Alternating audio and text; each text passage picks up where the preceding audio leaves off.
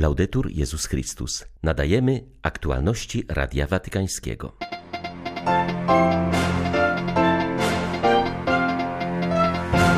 Odbudowę wiary w Europie zacznijmy od siebie, mówił papież na mszy z okazji 50-lecia Rady Konferencji Episkopatów Europy.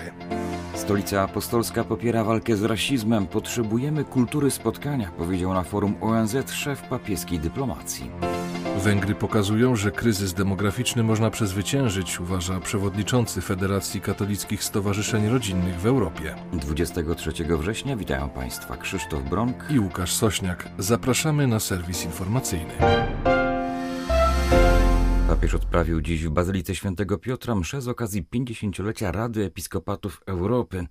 Franciszek zaznaczył, że w Europie wielu ludzi nie odczuwa już głodu i pragnienia Boga.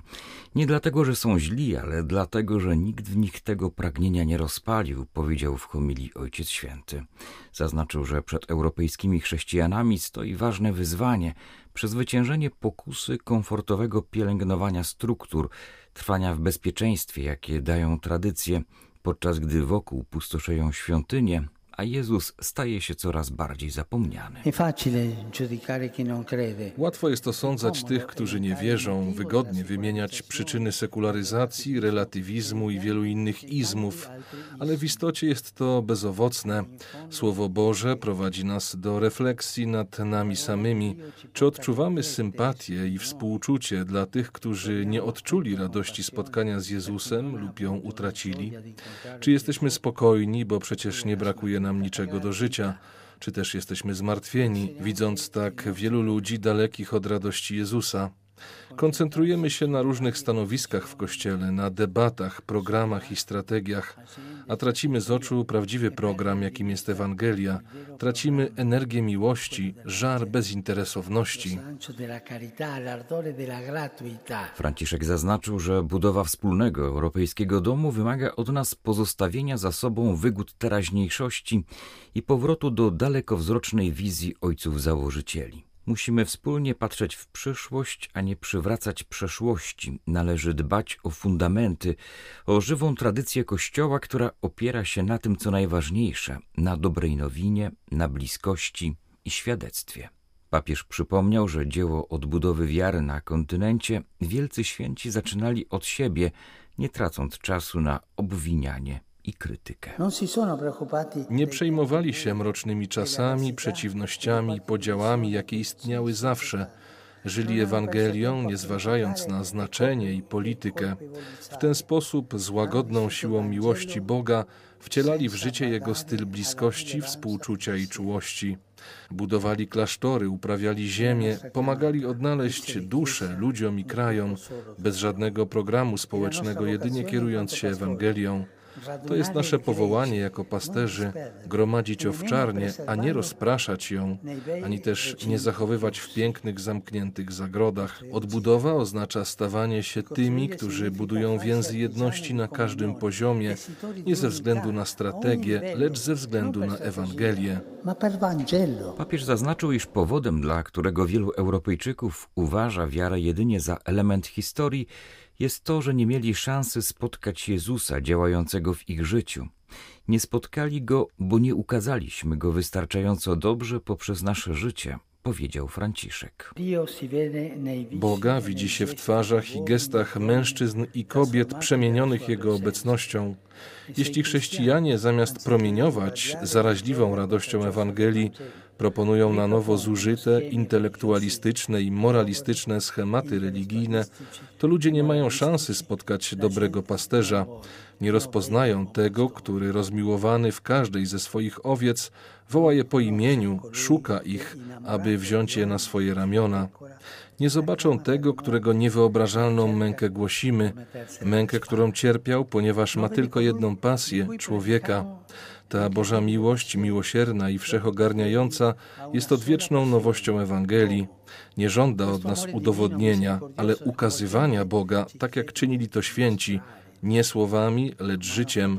Żąda modlitwy i ubóstwa, żąda kreatywności i bezinteresowności. Chiede creatività e gratuità. Ormiańscy katolicy mają nowego patriarchę. Papież zatwierdził wybór dokonany przez obradujący w Rzymie synod ormiańskiego kościoła katolickiego. Jego patriarchą został Rafael Bedros XXI Minasian, dotychczasowy ordynariusz dla wiernych Europy Wschodniej. Watykański sekretarz stanu wziął udział w odbywającym się w Rzymie spotkaniu Europejskiej Partii Ludowej. Rozmawiając z dziennikarzami podkreślił, że chrześcijaństwu zagraża instrumentalizacja do celów politycznych.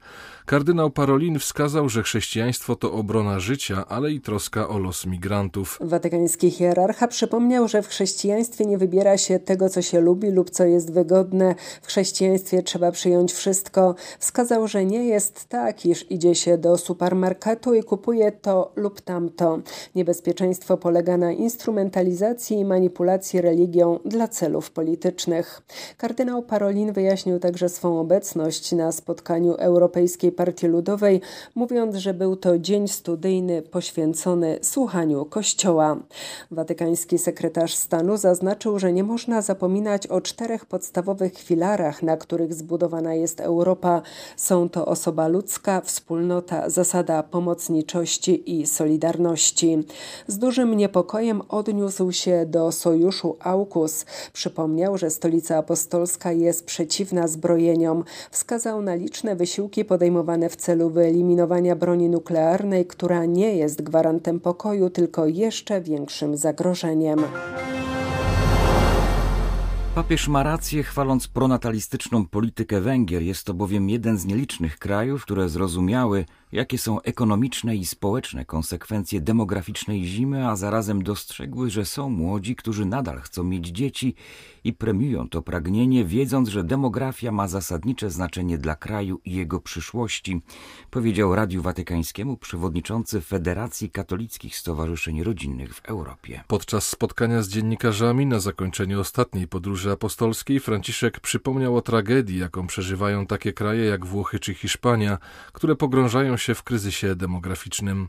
Zauważył jednak, że są też kraje, takie jak Węgry czy Francja, które skutecznie walczą z tym problemem, pomagając młodym rodzinom, aby mogły mieć dzieci. Jak podkreśla Vincenzo Bassi, kraje te zrozumiały, że bez dzieci nie będzie trwałego rozwoju i równowagi międzypokoleniowej, która zapewnia stabilność systemowi emerytalnemu. Co ważne, w krajach tych wsparcie dla rodzin nie ma charakteru pomocy socjalnej, ukierunkowanej na potrzebujących, lecz jest to świadoma polityka pronatalistyczna, premiująca tych, którzy chcą mieć dzieci, dodaje przewodniczący Europejskiej Federacji Rodzin. E Polityka Węgier i Francji, ale nie tylko, koncentruje się na sprawiedliwym opodatkowaniu rodzin, ale także na bezpośrednich interwencjach państwa, choćby w postaci dodatków rodzinnych. Tworzą różnego rodzaju udogodnienia dla rodzin w zależności od potrzeb. Przykładem tego są choćby urlopy dla mamy i taty. Na Węgrzech natomiast szczególną uwagę poświęca się kobietom, aby ze względu na swe macierzyństwo nie były dyskryminowane również w karierze zawodowej. Respektuje się ich słuszne aspiracje. Rozwiązaniem wyjątkowym w skali światowej jest zwolnienie od podatku dochodowego wszystkich kobiet, które mają co najmniej czworo dzieci. W ten sposób państwo na Węgrzech wyraża swoją wdzięczność względem tych kobiet za to, że zechciały mieć dzieci, które gwarantują stabilną przyszłość dla całego węgierskiego społeczeństwa. Jak podkreśla Vincenzo Bassi, pronatalistyczna polityka Węgier daje kobiecie realną możliwość wyboru, pozwala jej pogodzić życie zawodowe z rodzinnym. W innych krajach wciąż jeszcze pokutuje myślenie, że kobiecie trzeba zapewnić prawo wyboru do niepłodzenia dzieci.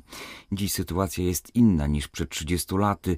Z powodu uwarunkowań ekonomicznych kobiety i małżeństwa nie mogą sobie pozwolić na posiadanie dzieci, nie mają wolności wyboru. W wielu krajach drugie dziecko jest już czynnikiem, które pogrąża rodzinę w ubóstwie. Trzeba więc przywrócić kobietom wolność wyboru, aby mogły mieć dzieci, jeśli tego chcą, i by mogły łączyć macierzyństwo z pracą zawodową. Francuscy lekarze, sędziowie, adwokaci, intelektualiści, nauczyciele i rodzice wystosowali apel zdecydowanie sprzeciwiający się transpłciowej indoktrynacji dzieci. Piszą w nim o kradzieży dzieciństwa i robieniu towaru z ciała nieletnich, coraz częściej indoktrynowanych do zmiany płci. Mediom zarzucają, że świadomie promują ideologię gender, mimo iż znane są jej zgubne skutki. Nie możemy dłużej milczeć wobec tego, co uważamy za poważne wypaczenie w imię emancypacji dziecka transpłciowego. Radykalne dyskursy legitymizują żądania zmiany płci na podstawie zwykłej percepcji przedstawianej jako prawda, ale dzieje się to za cenę dożywotniego leczenia, a nawet zabiegów chirurgicznych, piszą sygnatariusze apelu.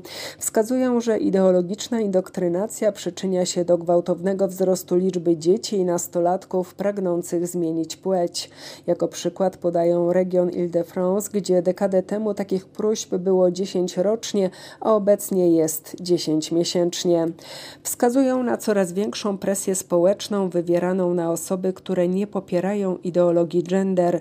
Towarzyszy temu wykluczająca zmiana języka, która jest cechą kontroli ideologicznej. W Wielkiej Brytanii leki blokujące dojrzewanie podawano nawet nieświadomym niczego ośmiolatkom. Najmłodsze dziecko poddane terapii konwersyjnej miało zaledwie 3 lata. Sygnatariusze apelu na temat transpłciowej indoktrynacji dzieci podkreślają, że brak możliwości jasnej i otwartej debaty na ten temat jest współczesną tyranią i nową formą represji. Bieżąca polityka migracyjna Stanów Zjednoczonych zaprzecza rzeczywistości. Bezbronność potrzebujących jest podważana, oświadczył biskup Mario Dornsville, przedstawiciel amerykańskiego episkopatu do spraw migracji. W ciągu ostatnich tygodni wzrosła liczba migrantów przebywających w sektorze Del Rio na granicy amerykańsko-meksykańskiej.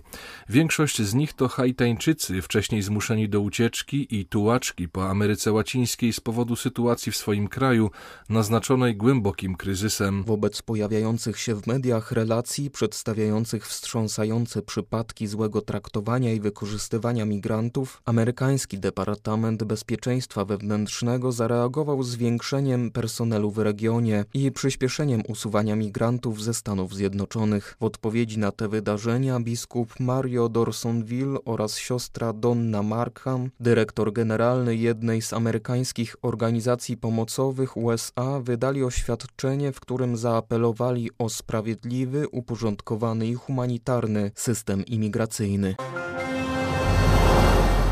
W całej Birmie nasila się przemoc wojskowej hunty wobec cywilów. 18 września armia, która w lutym przejęła władzę w wyniku zamachu stanu, podpaliła miasto Thang Tlang na zachodzie kraju. Większości mieszkańców udało się schronić w okolicznych lasach. Pastor ze zboru baptystów, który próbował gasić płomienie, został przez żołnierzy zastrzelony z zimną krwią. Kłangabiach Huma zamordowano, gdy głośno modlił się, aby Bóg zesłał deszcz, który ugasi pożar. Jak podaje agencja Fides, żołnierze po zabiciu duchownego odcięli mu palec, aby zabrać złotą obrączkę. Ukradli także jego telefon komórkowy i zegarek.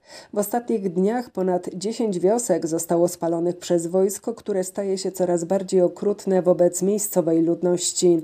Zginęło wiele osób starszych, które nie były w stanie stanie uciec. Za atakami kryje się zaplanowana i zorganizowana zemsta armii za atak bojówek ruchu oporu na obóz wojskowy, w którym zginęło 15 żołnierzy, uważa proboszcz jednej z parafii ze spalonego miasteczka. Represje nie omijają także kościoła katolickiego. Dochodzi do coraz częstszych aresztowań księży i dewastacji kościołów. Kościół jest oskarżany przez przedstawicieli hunty o wspieranie rebeliantów. Wojsko nie waha się nawet atakować dzieci. Od czasu zamachu zginęło już 75 nieletnich, a około tysiąca jest przetrzymywanych, informuje Komitet Praw Dziecka ONZ. Były to aktualności Radia Watykańskiego. Laudetur Jezus Chrystus.